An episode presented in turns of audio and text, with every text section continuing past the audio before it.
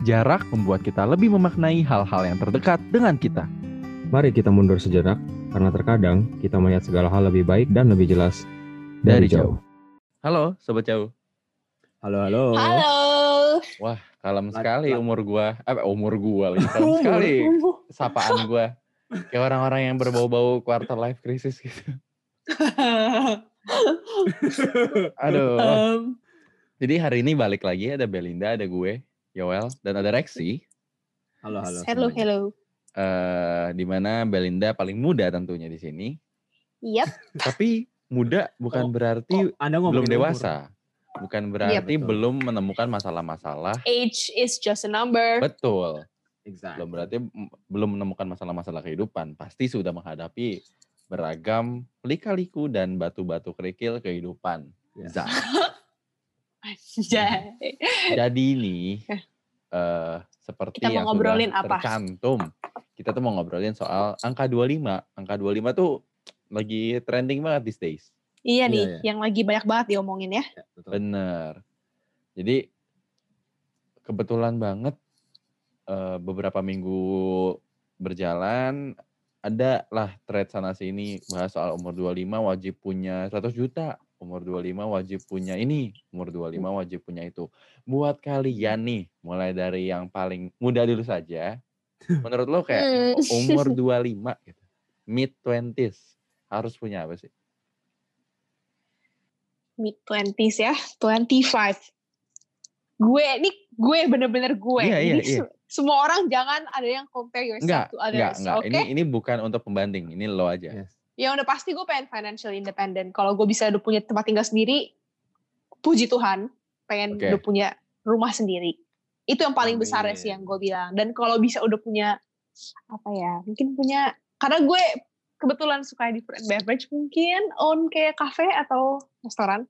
Klise banget semua Amin. orang gue tahu punya Hmm. coffee shop dan segala macam. Cuman ya that's that's one of my goals. Hopefully. Ya, oke. That's Ya. Gimana kalau yang lain? Yoel, Rexi? Reksi, reksi. Gue dulu ya. Wow. Oke, boleh. Pre- pressure sekali ya Gan ya.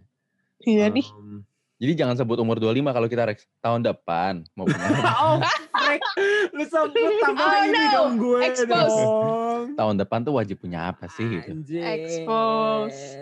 Oke, em, nggak tahu sih, tapi gara-gara postingan ini ya, gara-gara postingan itu, gue iya, merasa iya. target target target gue so damn shallow.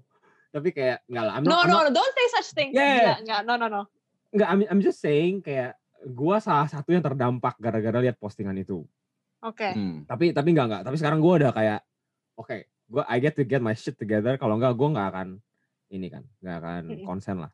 Nah, Betul. Oke. intinya gue eh gue nggak pernah mengotak-ngotakan oh by by this by umur segini gue mau gimana atau by umur gini gue mau gimana.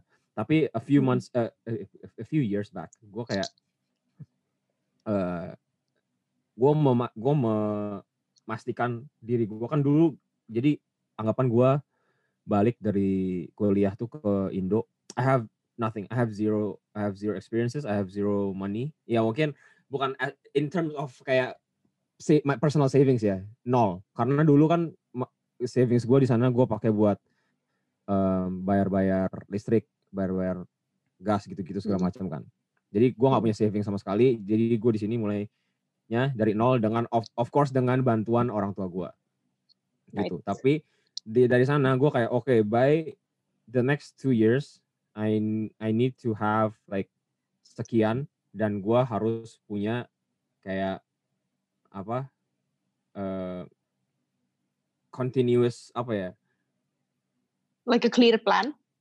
bukan bukan create a plan sih tapi kayak pokoknya kerjaan gue harus stable Oh, oke. Got it. ngerti nggak karena gue balik kan waktu itu gue balik Indo tuh gamble banget kan gue balik Indo demi satu posisi yang probation which is which Oke. is gila kalau menurut gue sih kayak why did I just take the offers there gitu And Hmm, probably everyone thinks that way kan pokoknya uh, by by the next two years by the next three years gue harus begini gitu nah gue tuh nggak nggak nggak nggak nggak tahu tuh kayak aduh umur 25 gue mesti begini mesti punya itu punya ini tapi kayak gue selalu plannya tuh kayak gitu gitu loh ya mungkin mungkin salah atau mungkin benar gue juga nggak tahu kan Nggak ada salah bener sih, nggak ada salah Iya bener. iya sih. Tapi kalau tapi kalau gue waktu itu gitu dan gue nggak pernah ngelihat umur misalnya oh ini umur 25 lebih wise dan lebih hebat dari orang yang umur segini. Karena menurut gue kalau misalnya span-nya udah umur 18 sama 25 kayak menurut gue lu bisa bandingin umur tuh kalau misalnya lu bandingin yang 25 sama yang 60 tahun. Ngerti nggak? Kalau misalnya lu baru Oke. 18 sama 25 gue rasa kayak yang lu Terlalu- sama terlalu sama dekat. aja. Betul betul. Iya, terlalu iya dekat. bener. Gitu. Make sense, make sense. Iya, jadi kayak kalau gua ya udah gua plan gua adalah waktu itu ya udah gua pokoknya kerjaan gua stable dan gua harus punya um, income yang segini dari dari nol gua start itu. Dan puji Tuhan semuanya sudah tercapai. Oh wow, Wow. nice, nice, nice, nice. Bagus bagus. Tapi gua nggak punya 100 juta ya, gengs, mohon maaf. Ya, ya, ya, ya. Jadi berarti ada, untuk anjir. jadi ini tadinya plan lu itu untuk 25 atau kayak berarti bagus dong udah tercapai sebelum umur 25 gitu atau lu punya goals enggak, lain enggak, lagi? enggak. Bukan, Enggak, bukan, goal dia bukan- short term goal yang kayak di dua tahun lagi gue harus punya duit sekian, harus punya ini, Oh. ini, ini, harus ada ini, Yes. itu, ini, itu, kerjaan Right. stabil kayak gitu. Berarti lebih yang kayak gitu ya lu emang nggak Mm-mm. mengkotak-kotakan. Oke sip. Betul. Iya. sekali. Oke. Kalau Yoel? Nah, kalau gue ya, kadang gue ya memang kayak Rexy bilang tadi ngeliatnya ke umur 60, tapi gue ngeliat ke yang kerabat dekat, misalnya ke keluarga gue nih, mereka Hmm. tuh eh nikah umur berapa ya? Terus punya apa ngelahirin gue tuh umur Hmm. berapa ya? Terus gue tuh kadang-kadang ngitung-ngitung kayak oh oh di umur 26, 27 atau 28 gitu sekitaran itulah mereka nikah misalnya ya. Mm-mm. Terus gue kayak, oh berarti di umur 25 sebenarnya udah ada, udah ada dana sekian. Tapi bukan dana sekian untuk mengikuti standar ekonomi saat itu berarti. Jadi kayak, kalau misalnya sekarang 100 juta, 100 juta cukup buat apa ya gitu. Mobil satu juga nggak dapet. Rumah boro-boro. Yes. Tapi zaman dulu tuh Eh, untuk tempat tinggal atau untuk ap- eh, apa ya? Kalau merit gitu untuk kebutuhan sehari-hari dari 100 juta satu apa 10 juta aja udah bisa dapat banyak banget sebenarnya saat itu loh ya. Mm-mm. Mm-mm. Even zaman kita Blackberryan itu kayak 2-3 juta udah dapat BB gak sih? I think ada deh. I think Iya ada. sih? Kayak, kayak Dapet sih, Blackberry, iya. Blackberry tuh gak nyampe 10 juta gak? Tau gue. Iya, Gak iya. nyampe lah. Iya, That's nggak like 10 nyampe. years ago gak sih pas BB lagi benar-benar. Bener. I think. Makanya, nah saat In-nya itu aja banget. mungkin, saat Outfit itu 10 malah years. kalau disebut, 10 years, iya makanya kan. Kalau masa-masa itu disebut wajib punya 100 juta, mungkin waktu itu wajib punya 50 juta itu shocking juga kan. Betul betul. Kalau di gue personally, gue nggak ngelihat dari duit, tapi gue ngelihat dari aset sih. Meskipun gue sendiri sekarang ya, ya Uff. as you guys know what what's happening, cuman kayak gue ngeliatnya dari lu punya asetnya apa. Karena gue sendiri secara financial, boro-boro financially sta- stable, tapi a- atau freedom, cuman kayak uh, financially educated aja gue yakin gue belum segitunya itu untuk paham, untuk melek secara finansial. Apa itu fixed asset, apa itu aset yang bisa di apa yang liquid, apa yang bisa dicairkan lagi, apa yang bisa Yes. beranak, apa yang bisa menjadi aset yang lain kayak gitu. Mm-mm. Tapi gue melihat ada hal-hal tertentu misal tempat tinggal sendiri, entah itu rumah atau apartemen, Mm-mm. and then a business that's running on Yep. its own that's a form atau of mungkin masih assets di juga, right? Iya betul.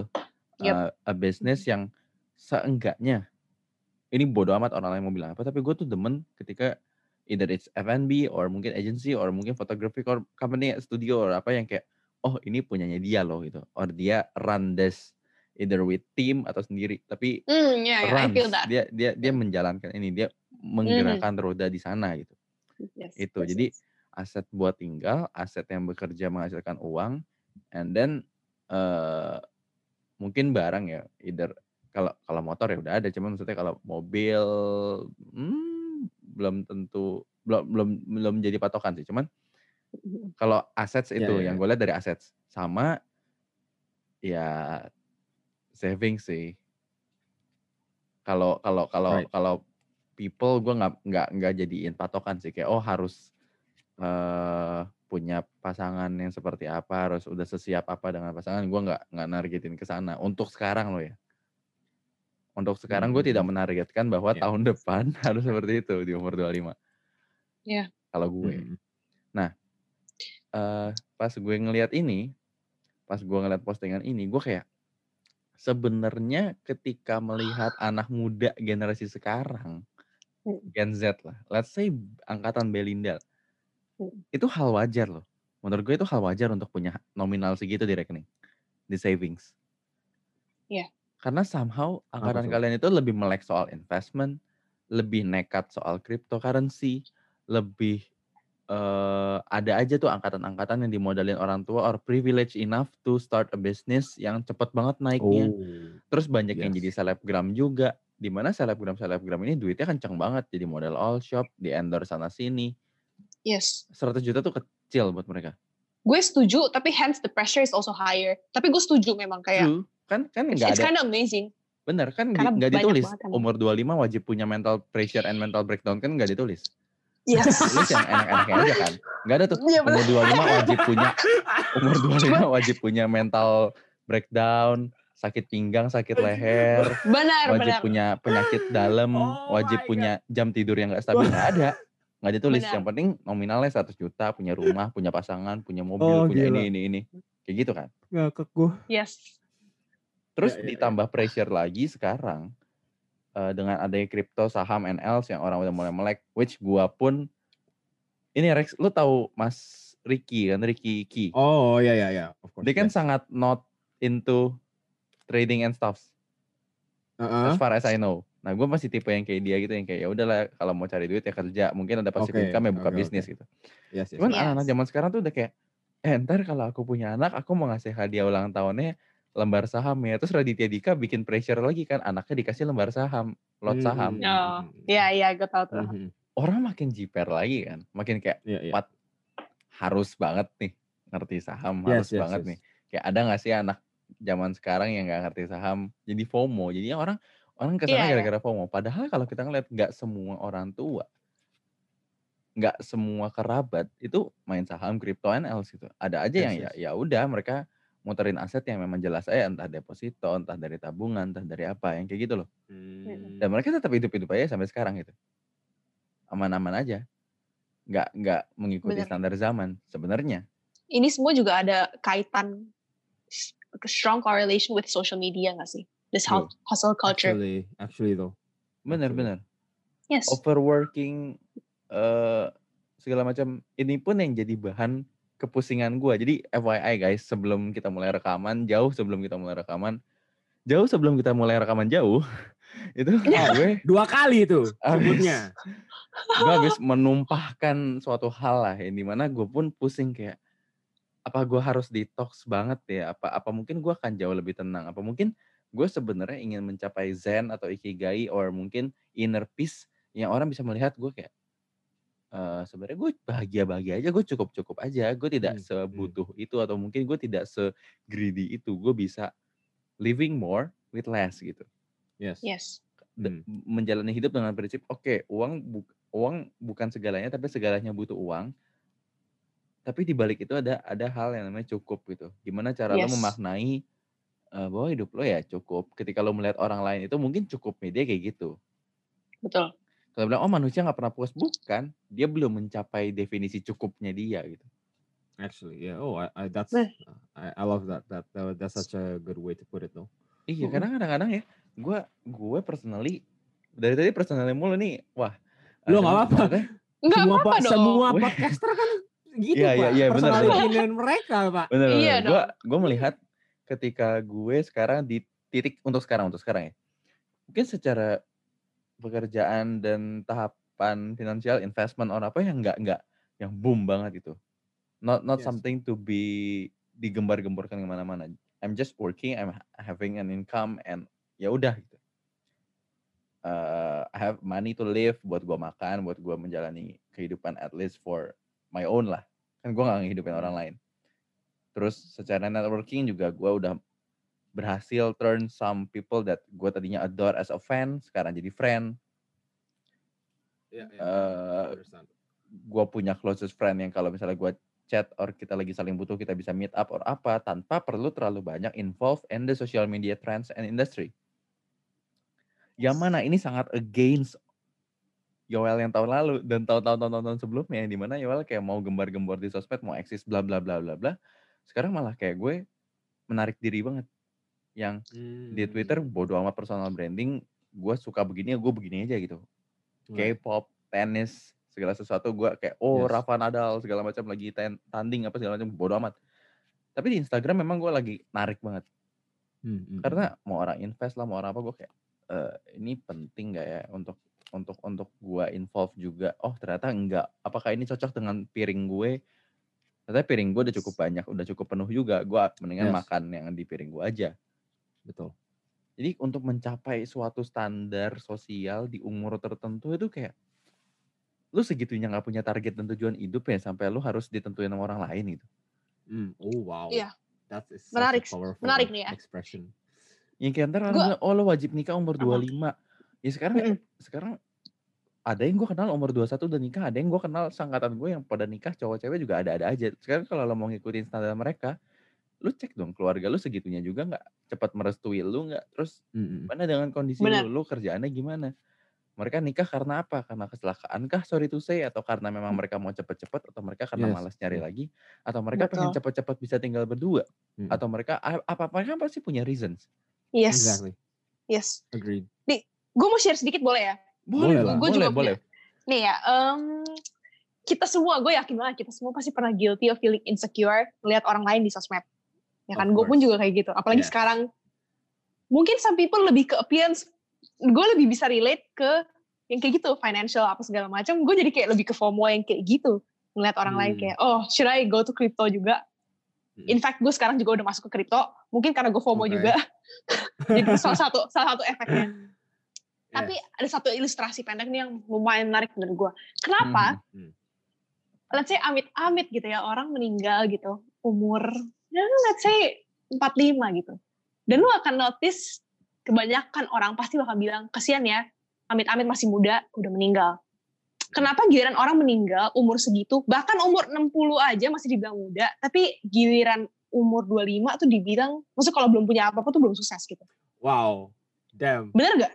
Itu oh, shit. Coba, iya, iya, iya. Jadi those Shit. people you guys who are feeling insecure right now, coba pikirin itu gitu. Kenapa kok Bruh. orang umur segitu belum pasti dibilang muda gitu pas dia meninggal, tapi giliran 25 aja tuh udah dibilang lu fail, fail dan Kurang segala macam gitu.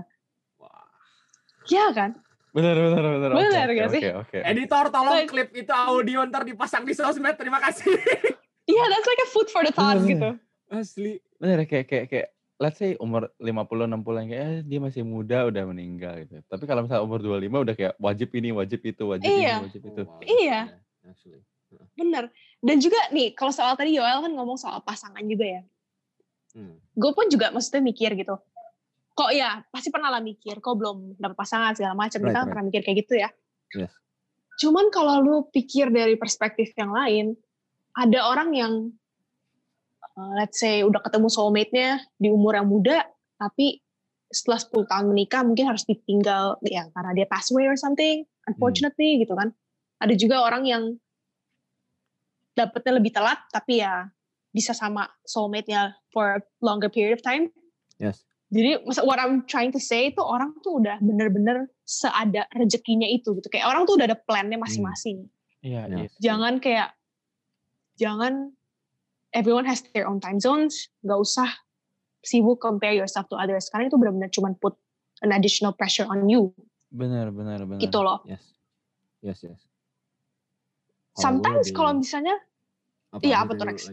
Enggak, lu lanjutin dulu. Baru ntar habis itu enggak jadi sometimes kalau dipikir lagi tuh kalau kita dikasih choice nih misalnya lu mau dapet soulmate sekarang tapi by this age lu udah kehilangan dia atau lu lebih telat dap dapetnya 10 tahun lagi baru dapet tapi lu bisa sama dia sampai lu tua gitu kadang choices yang kita punya eh eh, situasi yang kita we're in right now itu choices yang kita bakal pilih juga kalau kita dikasih gitu Actually, Iya. ngerti gak sih maksud gue Iya, iya. Iya kan Iya, maksud iya, iya maksud gue gitu sih so ya That- Ya, itu sih.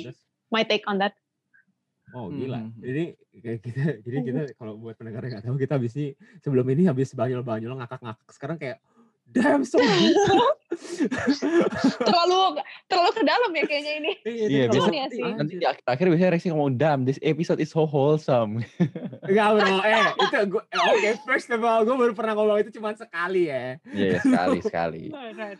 Tapi Ya, dan tiap sama Bel, lagi. wholesome banget memang, beda. Emang emang, emang bener bener bener. Nah justru ini gue sukanya kita Iya harus sih. butuh perspektif perempuan atau perspektif tambahan bro. Nice-nya di situ. kan. Benar. Asli. Ya, mantap, mantap. Nah, Iya kalau kalau dari gue sih um, there's there's a whole uh, other topic lah or there's a whole other reason kenapa gue nggak mau sentuh crypto dan probably you all tahu tapi gue nggak mau sebut di sini Tapi Karena saham it- lo main? Saham lo main? saham saham saham gue gue nggak cuma reksadana doang Oke. Oke, oke. That's a very good thing already. So, yeah. Iya, eh, there's there's a there's a whole other reason kenapa gue nggak mau main itu dan you all probably Yes. tahu tapi gue nggak akan sebut di sini karena irrelevant irrelevant ya. Um, Oke. tapi besides those reasons, um, gue gue balik lagi ke yang Yola bilang tadi. Ya for now gue ngerasa cukup dengan apa yang gue punya. Mungkin gue pernah sempat FOMO. Mungkin gue pernah sempat kayak shit orang bisa dapat sekian puluh juta cuman karena main kripto. Shit orang bisa Yes. punya eh, penghasilan segini dari karir filmmaking, videografi, fotografi dia. Terus gue kayak kenapa gue nggak bisa sehebat mereka gitu ya. Tapi balik lagi, Mm-mm. coba coba kalau lu pikir gue mulai karir di Jakarta baru dua tahun lalu Mm. dan gue sampai to the point gue sampai mikir kenapa gue selalu ngeliat ke atas ini, ini teman gue yang kasih tau gue ya kenapa gue selalu ngeliat ke atas padahal coba lu napak bumi lu lihat dulu Hmm. yang sepantaran sama lu yang sedataran sama lu bukan bukan in terms of umur ya yang sedataran di tempat ber- berdiri lo yang sama Mm-mm. mereka punya nggak apa yang lo punya kayak orang kan maksudnya gue bukannya mau em, kayak menjadikan penderitaan orang lain sebagai alasan gue bahagia ya enggak cuma Yes, kayak yes. if you compare if you keep comparing you will never be happy itu misalnya lu mau compare ke atas atau mau compare ke bawah itu Benar. menurut gue sama-sama nggak sehat karena kalau lu compare ke bawah lu akan jadi ngelihat kayak lu akan men- mencari justification kalau oh mereka ya gue lebih bahagia daripada mereka padahal nggak gitu kan kalau misalnya lu senang ya udah lu senang aja nggak usah compare compare Mm. Iya. Iya, iya, benar, benar, benar. jadi Ya, gue it's- gue titiknya di situ Uh, uh, uh. It's all about how you react to things juga sih. How how Betul. we react, how we respond iya. to things. Ini Pasti. eh belum lama gue sempat ngobrol sama yaitu yang idola gue yang jadi teman. Hmm. Kita sempat ngobrol ngobrolin soal dia risih, kita risih.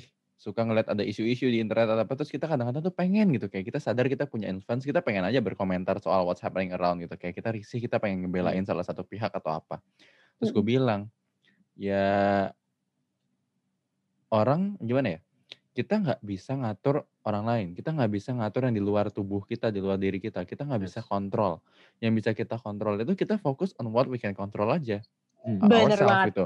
Gimana kita Bener kontrol banget. pikiran kita, pikiran kita merespon terhadap hal apa. Jadi kita mengatur how we react, how we respond to things. Hmm. Ketika ngelihat orang lebih keren, kita harus bisa nih nahan. Kita react-nya gimana? Kita responnya gimana? Jadikan itu motivasi lah. Tapi Betul. ketika kita melihat itu sebagai wah gila ini pressure banget. Nah berarti something wrong with not them tapi kita yang aduh kita Benar. merespon ini sebagai pressure. Kita Hmm. melihat Hmm. ke bawah, wah sekitar kita masih belum punya apa-apa. Kita malah jadi sombong. Itu salah di kita. Iya. Kalau kita melihat itu jadi motivation juga yang kayak oh terus gimana nih caranya kita biar kita bisa tetap stabil seperti sekarang jadi nggak jatuh ke mereka dan gimana caranya kita bisa ngangkat mereka biar bisa selevel sama kita itu kan juga how we respond Yes. Benar. tapi gimana cara kita nge-treat diri kita sendiri gitu terus Benar. eh insight yang gue dapat tadi tadi ini banget gue tuh baru baru eh congrats orang yang nyampe 10k followers hari ini Oke. tiga bulan Oke. lalu tiga bulan loh ya dia cuma seribu Shit, that's a that's a rapid growth.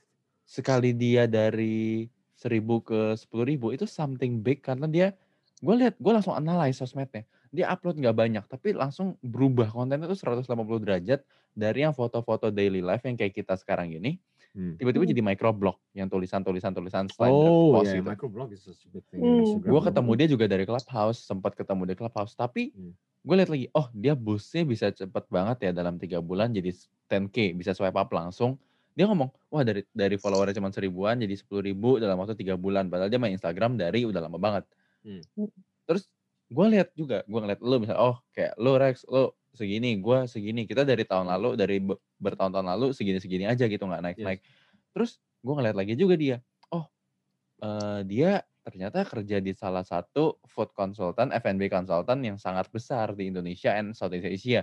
Jadi dia punya kredibilitas juga di belakangnya untuk dia bikin konten seperti itu. Itulah Hmm, kenapa orang hmm, bisa hmm. percaya, kenapa orang dengerin. Terus dia coba Hmm. Ke mana-mana. Gue jadi pelajarin. Gue buka awalnya memang gue sedikit minder kayak anjir.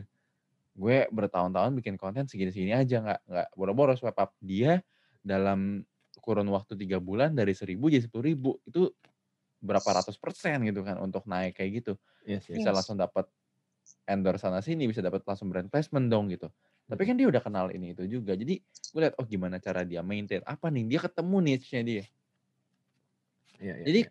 Gue yakin dia juga pasti melewati masa di mana semua orang yang dia kenal udah bisa swipe up, udah bisa macem-macem, udah eksis sana sini, udah dikenal sana sini. Dia juga kayak masih segitu-segitu aja. Orang masih nanya lu siapa sih, dia siapa sih. Tapi dalam waktu tiga bulan bisa langsung senaik itu kan berarti ada orang yang mencapai itu dalam waktu bertahun-tahun, ada orang yang mencapai itu dalam waktu tiga bulan. benar. Fasenya nggak bisa diburu-buruin. Iya. Berarti dari situ gue pelajarin, oh modalnya dia ternyata eh untuk dia mencapai ke titik itu dia udah menikah juga. Nah ini gue ngeliat dia, dia umurnya bel, atau kayak sekitar 30-ish gitu. Cuman dia Hmm. eh, sudah menikah, terus dia kerjaannya juga di mana, terus dia apa yang dia kerjain untuk membuat dia dalam tiga bulan mampu jadi nyampe tuh ke targetnya Yes. dia itu yang dari situ kan bikin gue mikir juga kayak oh ternyata begini caranya oh ternyata begitu tipsnya mana yang bisa gue catat mana yang bisa gue take note mana yang bisa gue adapt ke gue ke bisnis modelnya gue ke branding modelnya gue untuk oke kita coba kayak gini tes marketnya seperti apa kayak gitu loh karena Yes. kadang kalau gue lihat apakah ini untuk mencapai yang tadi yang dibilang umur 25 harus punya 100 juta harus punya apalah harus punya tabungan itu kan eh, gimana ya lu melihat Yes. itu sebagai proses juga lu harus ngapain untuk mencapai itu gitu loh jangan dilihat Yes. mau mencapai itunya doang tapi Orang-orang ini iya. kan juga punya ups and downs tadi yang nggak di share yang mental Benar. breakdownnya lah eh, sakit pinggangnya lah mereka kan nggak nge-share itu di sosmed Iya. untuk Betul. Karena most ya. times prosesnya bahkan lebih penting daripada The end. bener the end Padahal journey gitu. prosesnya kayak oh Hmm. ternyata harus ketemu Indonesia dulu harus bisa melawan mungkin gue sekarang gue personal harus bisa melawan eh, diri gue yang kayak oh gue merasa gue nggak into hal-hal seperti itu oh mungkin gimana kalau gue coba kayak gitu udah coba belum belum kan yang kayak gitu loh Mm. Dan pembelaannya adalah sebelum umur 25 lo masih punya banyak room for mistakes even sampai 30 pun mungkin lo masih punya room for mistakes tapi ya dari mistakes itu gimana caranya lo react and respond dan juga And lo learn lah ya. betul Iya, benar. Betul. Dan learn. Yeah, it's it's my Yes. thoughts lah about this. Yes. That's it. Nice. Bagus kok itu Nice. menurut gua um, Iya. Very, ya, very eye opening ya. very relatable juga sih. mm-mm. Nah, kalau dari Bell Rex gimana? Soal apa nih? Soal Hmm. tadi ini tadi bukannya lu sedang menjawab apa yang kita jawab? Tadi terakhir Iya sih. gak sih, Yo? Iya ya. Giliran benar gue ya. terakhir. Bener Si juga tuh, mabok. Mabok kan gue terakhir. Udah Si mau suasana dia. Maaf, maaf. Aduh. Gue nanya gimana terus gue kayak loh, lost.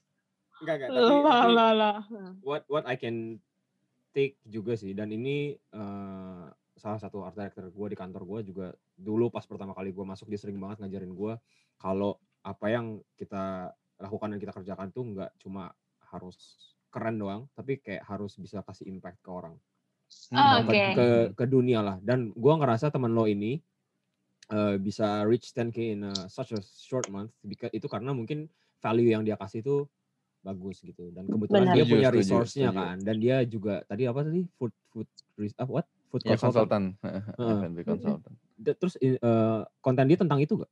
Iya, kontennya tentang itu. Nah dia punya resource-nya dan dia he's a specialty in that eh, field dan dia kasih orang-orang belajar. Mungkin gitu ya jatuhnya ya, Iya. kalau dengan microblog. Which is which is a very um, appreciate appreciable thing to to to see gitu. Karena eh, balik lagi dia ngasih value ke dunia. Makanya dia mungkin bisa uh, grow secepat itu dan orang-orang butuh informasi itu mungkin. Hmm, hmm, hmm, Gitu. Jadi ja- jadi patokannya sih jangan sekedar kayak oh gue harus punya duit ini gue harus punya ini harus punya itu punya mobil rumah pasangan ru- nikah dan lain-lain tapi lebih ke Yes. kayak lu bisa kasih apa sih ke orang lu bisa apa sih kasih apa sih ke Iya, benar-benar. ke dunia kalau lu kasih if you're giving out the right thing and if you're giving out um, the correct response ya tadi yang Yuval bilang itu semua akan datang ke lu pelan-pelan gak sih Hmm. Bener. iya lihat aja Something- temen temennya Yuval kayak gitu Iya. Bener-bener. contohnya Something yang gue juga lagi learn myself. Gue gimana gimana caranya supaya gue bisa lebih kasih impact yang baik gitu dengan Yes. apa yang gue mau lakuin. Ya misalnya misalnya gue mau lakuin sesuatu di F&B industry gue akan mencoba untuk gimana ya supaya gue bisa eh ya membawa impact yang lebih gede daripada cuman kayak nyari cuan atau apa gitu. Yes. Karena itu jauh lebih fulfilling gitu memang. Heeh, heeh, ya kan daripada cuma cari duit gitu Iya, to, to, some, to some people ya. Kayak kayak gitu emang emang bener sih, emang lebih lebih fulfilling. Mungkin ada ya kayak orang yang kayak oh all, all I care about is like about my money and how I can pay for my children's tuition in the future. Mungkin kayak gitu ada, Bener. tapi sah-sah aja again. It's- ini semua hanya personal opinion ya.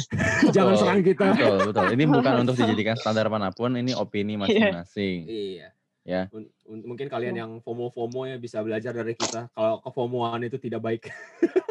benar Benar. ini gak cuma remind actually this is not a reminder buat kalian tapi buat kita juga gak sih Bener, true. true. buat kita Bener semua banget. Oh, Yes. iya. Gitu kurang lebih. Gimana Bapak Yol? Ada yang mau Gimana? ditambahkan lagi Bapak Yol?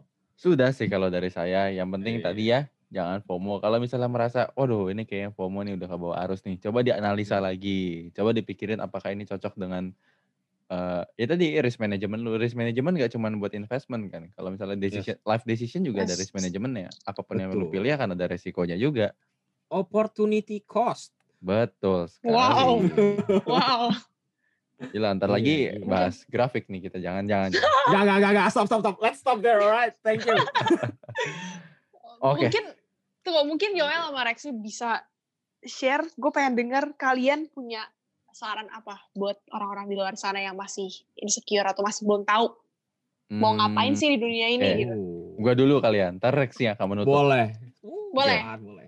buat kalian-kalian yang di luar-luar ini ya, jangan kemakan gengsi, jangan kemakan FOMO, tapi pokoknya kalian set goals kalian apa, target kalian di umur sekian apa, jangan gampang ke distract sama standar-standar orang lain gitu. Kayak orang bilang, oh di umur 30 lu mesti punya rumah, mobil, harus punya real estate yang kayak gimana.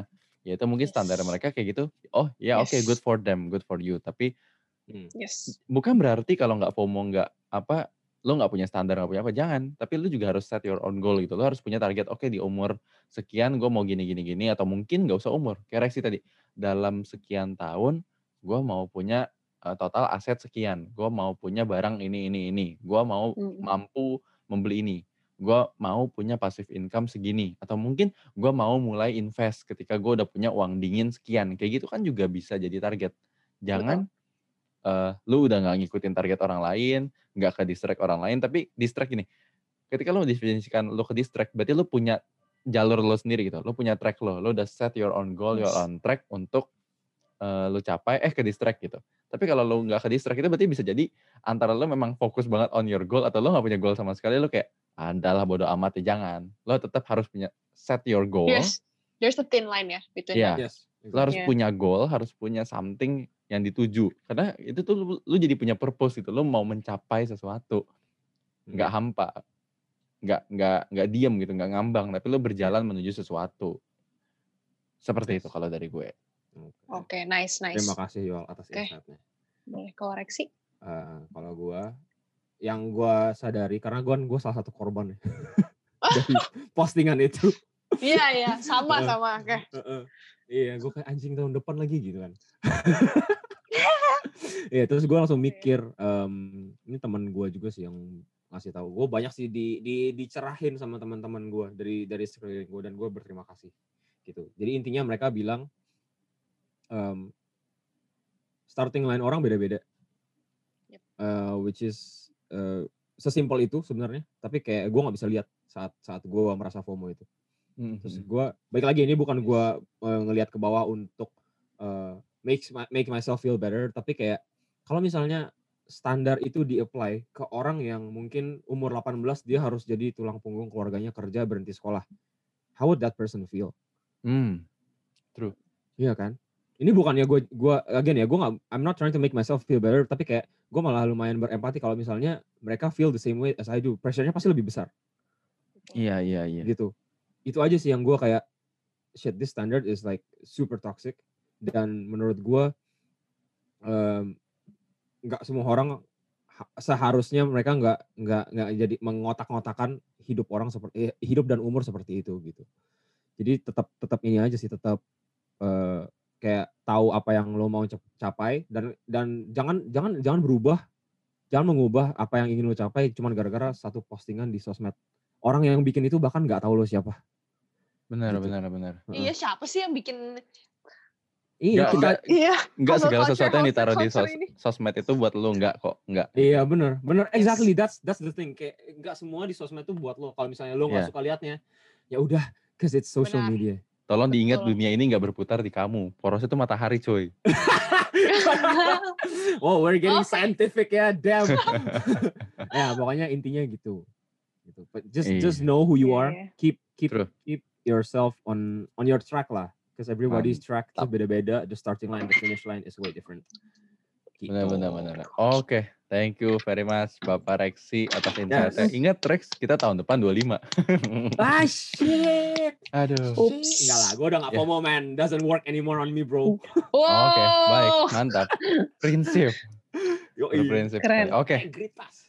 terima kasih semua sobat Jawa yang sudah mendengarkan episode kasih ini. Semoga Iya. insightful balik lagi ya. Yes. Semoga Yes. episode ini bisa Yap. bermakna buat kalian. Mm-mm. Tentunya Dan jangan yang- lupa Ya, ya, kalau misalnya kalian udah mau 25 ya udah, nikmatin aja. ya udah. Yes, betul. Betul. Enjoy the process. Tuh, jangan lupa follow Instagram kita ya, jauh. Punya lima. Oke, Iya, sampai ketemu di episode-episode berikutnya. Nah, Ya, ciao. Bye. sobat jauh, jangan lupa ya, tetap di rumah dan kalau harus keluar rumah Pakai masker, rajin cuci tangan, dan jaga jarak. Kita jauh dulu ya. agar lekas kembali dekat.